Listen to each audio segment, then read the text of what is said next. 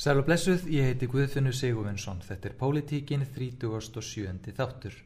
Við ætlum að beina sjónum okkar að því sem sjálfnast er rætt í amstri hverstagsins lífslokunum sjálfum. Það eina sem vitað er með vissu um framtíð okkar, alveg frá fyrsta andadrætti, er að einn daginn endar æfin. Fæst ráðu við því hvernig æfilokin ber að, en er það eitthvað sem þarf að skoða nánar. Flest degjum við vegna sjúdóma og getur hugsast að á loka stegum þeirra ætti valið að vera okkar. Dánaraðstóð hefur fest sig í sessi ímsum nákvæmna löndum okkar. Þetta er yfirhugtak, ímissa aðtapna eða aðtapna leysis sem hægt er að beina sjúklingi í þeim tilgangi að binda endi á líf hans. Sannlega umdelt mál sem hefur þó mætt auknum skilningi á umliðnum árum. Mikið er rætt þessi misserinn um yfiráði yfir eigin líkama í allskins samhengi Og hvers vegna skildi það ekki eiga við hér líka? Er dánaraðstóð valdefling hennar degjandi? Bryndís Haraldsdóttir, þingmaður sjálfstæðisflokksins, hefur í þinginu og í gegnum bladagreinar og fjölmela tala fyrir því að þessi möguleiki verður, verði kannaður rækilega innan íslenska helbriðskerfisins. Bryndís er gestur minna þessu sinni, velkomin. Takk fyrir. Dauðin er nú mál sem kannski fælir fólk meira frá en laðar að mm. og, og það sem stjórnmála menn vilja nú helst er að laða fólkið að sér af hverju fegst þú þá áhuga á þessu máli og, og, og svo að tala fyrir því í framhaldinu? Já, um, það er nú kannski, já það er ákveðin forsaga að því, það er aðalega það að móður mín hefur lengi sagt við mig Bryndís, þú, ég mun aldrei vilja vera svona, ég vil frekar deyja en að geta ynga björg mér veitt þurfa á aðstof að halda í öllu mínum daglegu aðtöfnum Og það er kannski vegna þess að mæður manns innprenta nú yld eitthvað í mann að þetta hefur verið svona alltaf svolítið bakvið eira hjá mér í langan tíma.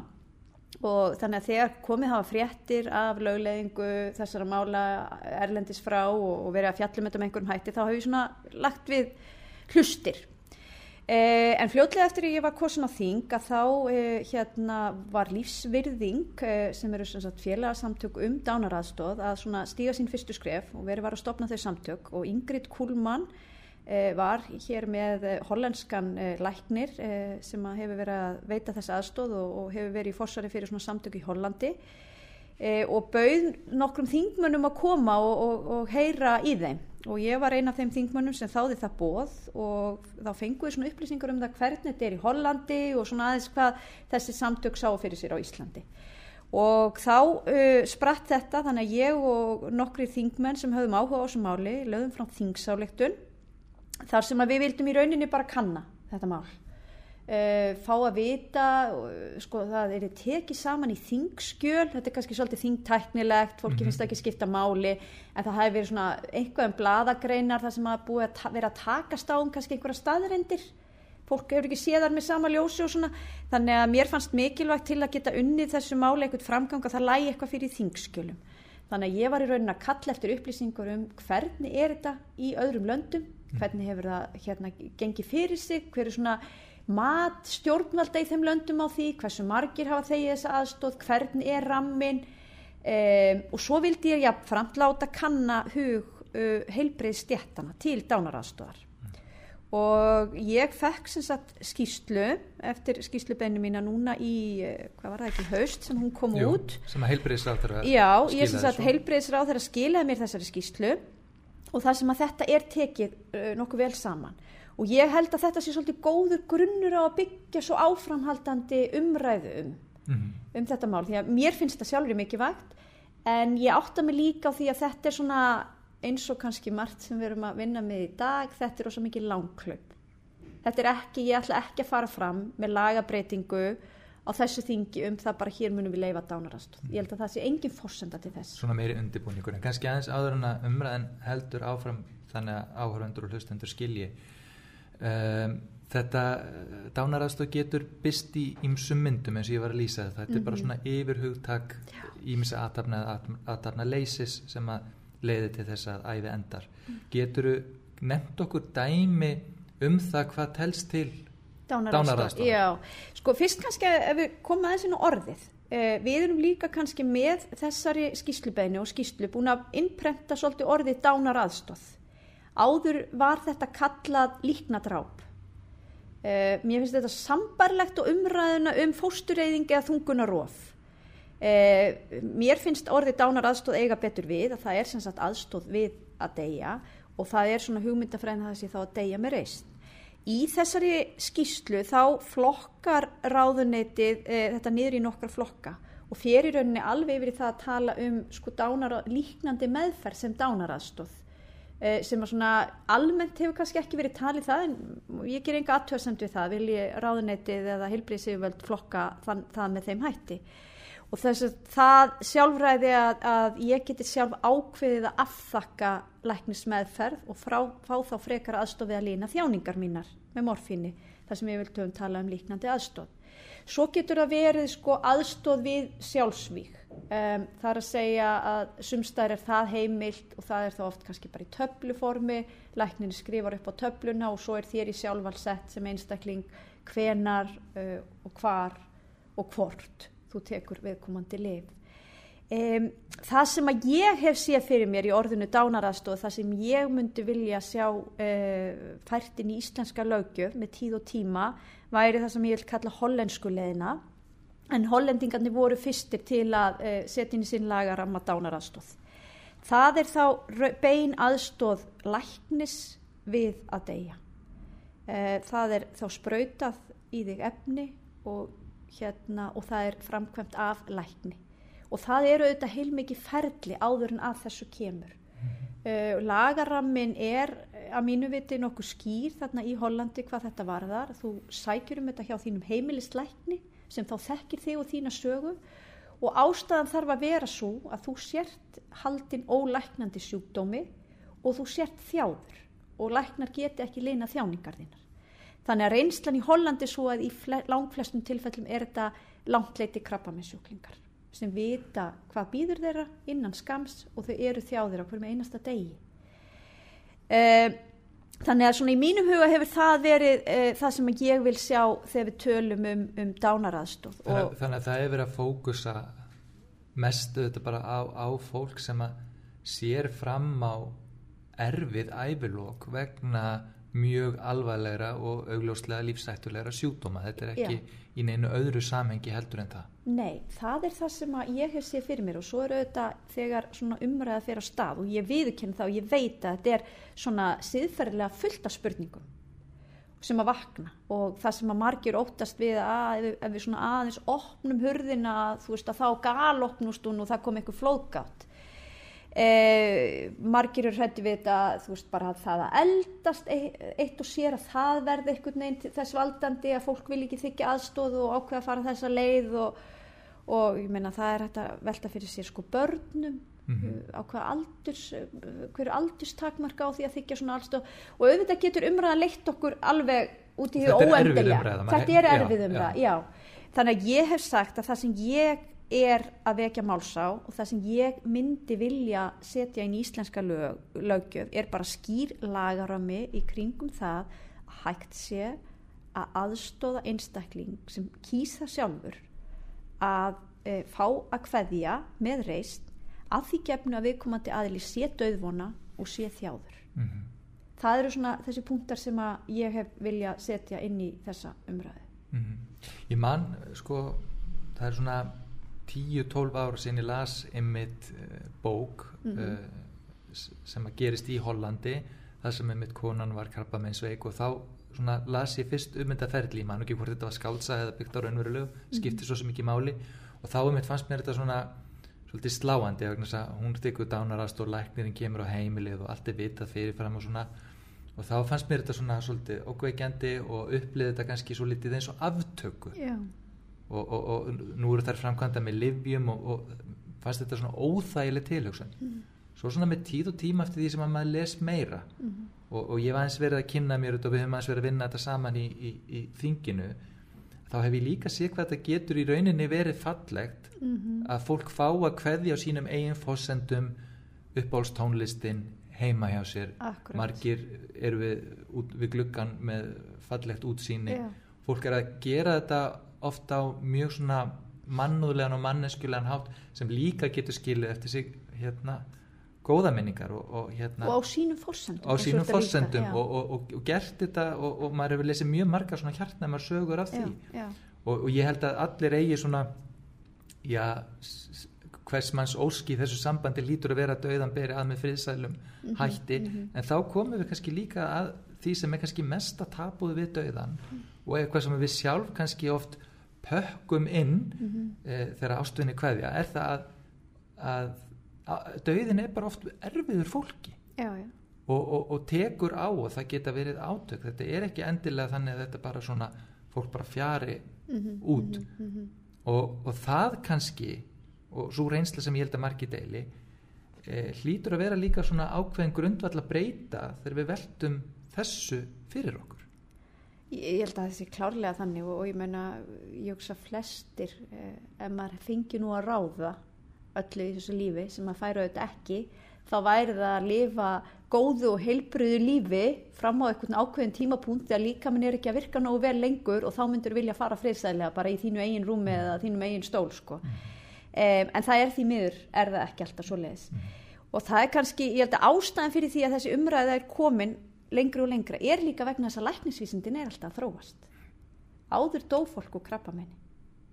Sem betur fyrir er það þannig að við getum orðið bara að lækna stóran hluta af krabba menni og lina þjáningar fólks. Og þannig að við erum alltaf að ná lengra og lengra og lengra með því að lækna okkur og, og heil okkur. En stundum er það þannig að læknisvísindin eru bara að lengja dagana en ekki auka gæði og ég ímynda mér að flesti getur verið sammála um það að vilja fyrst og fremst lífsgæði en ekki endilega sko daga í, og því berjast með hana vonið til þess að, að Já, þú hafi já. sigur. Um, og er þetta þú veist það sem ég held að flesti velti fyrir sér, er þetta þjáningarlausar aðferðir, ég meina hver er reynslan Já. í nákvæmlega Já, já, þetta er það og, og þess vegna held ég það er skýr lagaram í kringu þá og ég þekki það svo sem ekki varandi hvaða lif eru gefin í hvaða röð og á hvaða tímapunkti og hvaða fórsendur og svona en ég meina það er e, e, þessi aðilar eru með líka sko fínt eftirlitskerfi með þessu. Það er eins og ég sagði aðan eins og í Hollandi þú sækir um þetta hjá heimilislækninum. En hann einn getur ekki sko hérna gefið viljirði fyrir þessu. Það þarf annar læknir að skrifa upp á það jafnframt sem er þér ótengdur. Þannig að það þarf að færa góð rauk fyrir þessu. Og læknarnir þurfa báðir að vera vissum að þú viljir örgla fara þessa leið. Þetta er svo yfirleitt framkvæmt á heimili einstaklinga. Um, sko út af því að þú nefndir hérna bóka á þann í Hollandi nú eru, nú mann ég ekki nöfnin á sem ég hef allavega lesið tvær mjög góða bækur nýlega og horfið líka á mynd um dag í COVID-19 þá er maður fann að gera svolítið mikið af því sem tók einmitt á þessu mm. uh, dánarastóð og það er sem sagt það að fólk er mikið að fara til Sviss og fólk sem eru aðeins kynntir sér þetta heyrir oft um og oft í bókum og myndum þá er það að fólk sé að fara til Sviss og leita þessara þjónustu. og fréttum þetta er það bara í rauninu búin að vera til túrismi kringum þetta að nota það orðið þessu samhengi. það er nefnilega þannig að í Holland er það til dæmis bara hollenski ríkisborgara sem geta fengið þessa aðstóð. Þú þarfst að vera inn í eh, hollenska læk- eh, hérna, sjúkrasamlæginu og með læknir og annað. En í Sviss er það ekki svo þetta segja og það eru samtök sem að í rauninni selja þér þá þjónustu. Að þú getur komið, uh, uppfylluru skilirði lagana, þá getur fengið þessi lif og þau geta aðstofað við því að uh, hvort sem það er hótelherbyggi eða hús eða eitthvað annað á, uh, sem sagt og uh, jafnvel líkbrennsluna líka og haldi utan með allt og minna þetta kostar einhverja miljón Mhm. Um, og það er alveg ljóst að fólk er að sækja í þessa þjónustu allstaðar áður heiminum. Þá er hún auðvitað bara í bóði fyrir þá sem að hafa á því En það og segir ákveðna sögu sko ef að fólk er að fara til annar það flesti vilja nú deyja ykkur, ykkur starf í grænt við sína heima haga og, og ykkur, ykkur negin uh, það er líka flókið máli eins og þú ert að nefna að deyja ellendis Mhm. uh, þú veist líkflutningur og allt þetta að ef að viljan er svona sterkur að, að einhverjir, ég man eftir dæmum Ástrala sem mitt fór til Já, Sviss já, já, já. sem kom í, í fréttir en við höfum dæmum segir- Íslendinga sem hafa farið þessa leið Já, akkurat, Sviss, já. og ég menna ný, nýlega náttúrulega er Yngvar Hefni Jónsson fjölmeðlamaður búin að tjá sem bróður sinn sem dó í Kanada og, Mhm. um, og það segir manni þá það að, að sko viljinn þarna baki hann er gríðarlega sterkur já. Já. og ég, það er líka eitt af rökkonum sem að ég hef notað í, í þessari umræði er að þú veist það er eitt hvað okkur sem sko stjórnmálamönnum kann að finnast um alls konar aðtapnir en svo er það annað þegar kemur að því að gera einhvern lagaramma í kringum bara alla sem hér búa. Um, og ég hef sagt ég jafnvel þó að einhver kunna vera mjög á móti dánarast og myndi aldrei vilja þykja sjálfur, aldrei vilja mæla með því eða, eða gefa sitt samþykja á að aðstandendu myndi leita þeirra leiða þá er það ekki samt sem áður betra að við séum með skýran ramma fyrir þá sem augljóslega munu fara þessa leið mm. í staðin fyrir að fólk sé að leita út fyrir landsteinana. Mér finnst þetta sama sömur rauk geta átt við eins og til dæmis varandi þungunarof mm. eh, ef að lögjöfin er og stífins og við erum til dæmis að sjá í Pólandi núna skelvilega þróun í þeim efnum þá leita konur annað. Eh, ég hef líka rætt þetta varandi staðgöngumæðurinn Eh, fólk leitar þanga sem það fær þá þjónustu sem það er búið að ákveða að það ætli að sækja. Þannig að mér finnst skinsamlegra að við hér heima búum til skýran lagaram í kringum þetta. Og það er annavarandi dánaraðstóðina líka að sko ég talaði um líknandi meðferð og svo dánaraðstóð og það er, svona, það er auðvitað einhver línaðan á milli. E, nú er ég auðvitað ekki læknismentuð en það auðvitað skiptir máli hvert er magniða morfíni sem hún færð. Mm -hmm. Og ákveðinu tímapunkti er það orðið það mikið að hjartað hættir að slá og við komandi deyr e, og það eru þetta hér e, í rauninni má ekki gera það. Þú mátt ekki gefa eitthvað sem á að flýta fyrir þessu ferli. E, en mér skilst og ég heyri það út undan mér að fólk er svona, þú veist, það er eitthvað, eitthvað grá svæði. Og þá veldi ég fyrir mér býtu hvað eru við að ætlast til af heilbreyðstarfsmunum mm. þegar lögin er eins og þau er í dag? Er ekki betra að við séum bara með skýra ramma? Þetta er hérna líknandi meðferð, þetta er dánaraðstóð og um hana gilda þessar og þessar og þessar reglur. Í staðin fyrir að við séum með kannski einhver grá svæði sem einstaklingar geta verið að fóta sig á með mismunandi hætti. Mm -hmm. Það sé svona einhver, einhver svona þróun sem að það sem að kannski allir svo lítið vita hvað er að gerast en, en, en já, en, en það, þá er mitt kem, kemur að, að svona líkiladrið í málinu það er mm. auðvitað heilbriðstarsfólki. Já það þarf að hafa einhverja aðkomu að þessu mm -hmm. ef vel á að vera og hvað vitum við um afstöðu þess? Því að þetta er auðvitað líka gríðarlega ábyrð og, og jáfnvel bara mjög erfitt að vera hluti af ferli því að það að ljúka lífi er auðvitað stór mál. Já, algjörlega. Og kannski stærsta mál sem að hægt er að komast í. Gott og kemur inn á þetta því að við erum að sjá uh, þær skoðanakannanir sem framkvæmdar hafa verið bara meðal almennings um afstöð þeirra til fyrst var það spurt um líkna dráp á þeim árum og svo hefur farið að nota orðið dánaðastóð hefur aukist til allra mun og ég held að það sé komið yfir 70% úr síðustu kannun.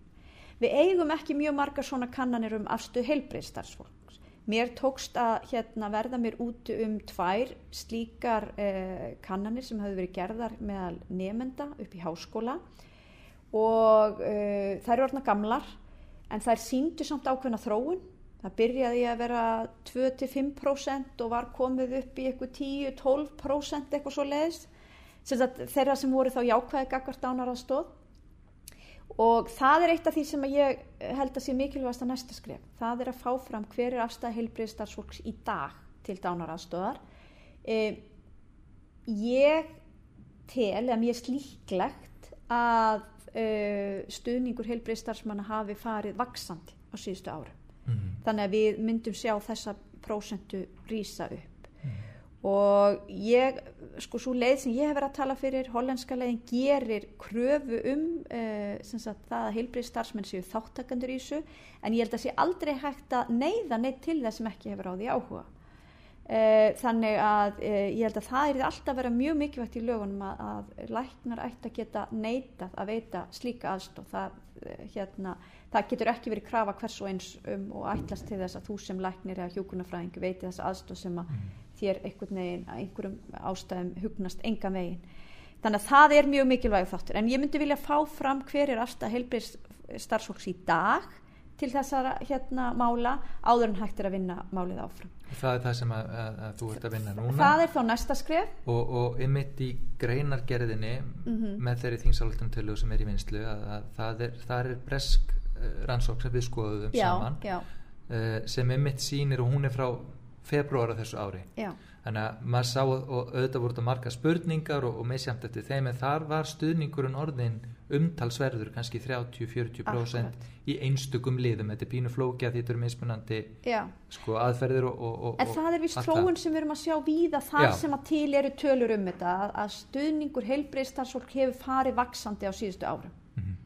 þannig að það verður mjög hérna, áhugavert að sjá þá niðurstuð þegar hún kemur. En, en uh, svona kannski aðeins í lokina því að þetta er stærra málin en, en eitt þingmaður, það eru fleiri auðvitað að tala fyrir þessu. Og þú nefndir eh, Ingrid Kúlmann áðan og, og hún er auðvitað í þessum samtökum sem heitir lífsvirðing. Mhm. uh, og það er þetta til dæmis sjá þau á Facebook, eru þetta mjög virk samtök? Mér finnst það, ég er allavega með þau hérna, ég er áhangandi þeirra á Facebook og sé þau reglulega setja inn hérna fæslur og þau eru að halda fundi, fræslu, erindi og annað og erum þetta að miðla líka upplýsingum um það sem er að gerast út í heimi því að það hefur, þú veist, Kanada eh, hérna opnaði á þetta fyrir einhverju síðan og það er ákveðin fylk í bandaríkjónum sem að hérna hafa verið að taka þetta, ég held mér sér núna í síðustu frægu kostningum þar var líka verið að kjósa um þetta í einhverju fylki þar. Eh, svo hefur Arnar, Þór Arnarsson verið að skrifa greinar í morgunbladið. Hann er lögfræðingur og hann skrifaði meistararreitgerð sína um dánarastóð og ég fengi að lesa þá reitgerð og hún er mjög áhugaverð. Og það er þá verið að taka sko lagalegu þættina inn í þetta og bera saman laga umhverfið í, í mismunandi löndum. Og það er kannski það sem ég held að við þurfum að gera næst að það er fyrst að fá afstöðu heilbrið starfsfólks uh, og svo í kjölfarið að fara yfir það uh, svolítið nákvæmlega hvernig lögin eru á þessum mismunandi stöðum og hvernig þau hafa reynst til að vonandi geta komið okkur saman um hvaða lagarama okkur myndi hugnast best í þessum efnum. Mm uh, við nefndum aðeins heilbyrðistarsfólki við sjáum að kannanir sína stuðningur almennings er að aukast og fólk Já. er hérna opnara og, og sínur sem er í skilninga en, en bara svona kannski aðeins líka í lokin svona til þess að taka aðeins sjóna með hinna Mhm. finnst þér hérna anstaðan við málið svona eins og þú upplifna þegar þú þreifar á því vera er þetta svona hörð að, anstaða og hvað er það sem að fólk verðist svona að þínum að setja helst fyrir sig í þessu sambandi Sko við uh, í þingsaldunartiluguna sínum tíma þá tókum við skýrt fram að, að afstafa þingmanna sko til þess hvort að væri hægt að kalla eftir þessum upplýsingum sem við vorum að fá. Þyrfti ekki að litast að því hvort að fólk væri sammála því að við myndum löglega hér dánarastóðið ekki. Þannig að við höfum á, þessu, sko, á þessum fyrstu skrefum inn í þinginu ekki vilja kalla fram harða umræðu um það. Heldur bara, heyru, hér eru við að kalla eftir upplýsingum, þetta er þróunin víða erlendis og við sjáum ákveðna samfélagslega tegni í þessa átt. Viljum við ekki bara kalla fram þessar upplýsingar svo við getum um tekið málefnilega umræðu. Um, en það er jú andstaða við þetta og ég menna ég er með uh, aðila úr flestum flokkum, uh, ekki frá miðflokknum og ekki frá flokki fólksins á þessari þingsálutum minni. Uh, Birgir Þórunnsson, þingmaður miðflokksins, hefur farið í umræðina þegar þetta mál hefur komið til tals og, og líst sig alfari mótfallin þessu á svona trúalegum ástæðum, vill alls ekki hreyfa við þessu máli. Það er líka svona þær umsagnir sem við fengum um máli inn í þinginu sérstaklega frá, já, ég fannst reynda biskup nú vera svona bara málefnalegi sínu að lífið er alltaf mikil svirði en það voru ákveðin trúarsamtök sem að sögðu bara nei, punktur, aldrei, þetta má ekki ræða. mm Eh, á meðan flestar eh, hérna, aðtöðasemdirnar eða umsagnirna voru nú samt jákvæðir og allavega í þá átt að það er sjálfsagt að skoða málið frekar þó að það séu fjöldi svona þáttar sem koma. Það getur verið bara trúalisælist og sagt bara, heyrðu, við eigum aldrei að íta undir dauða eða aðstofi dauða með neinum hætti.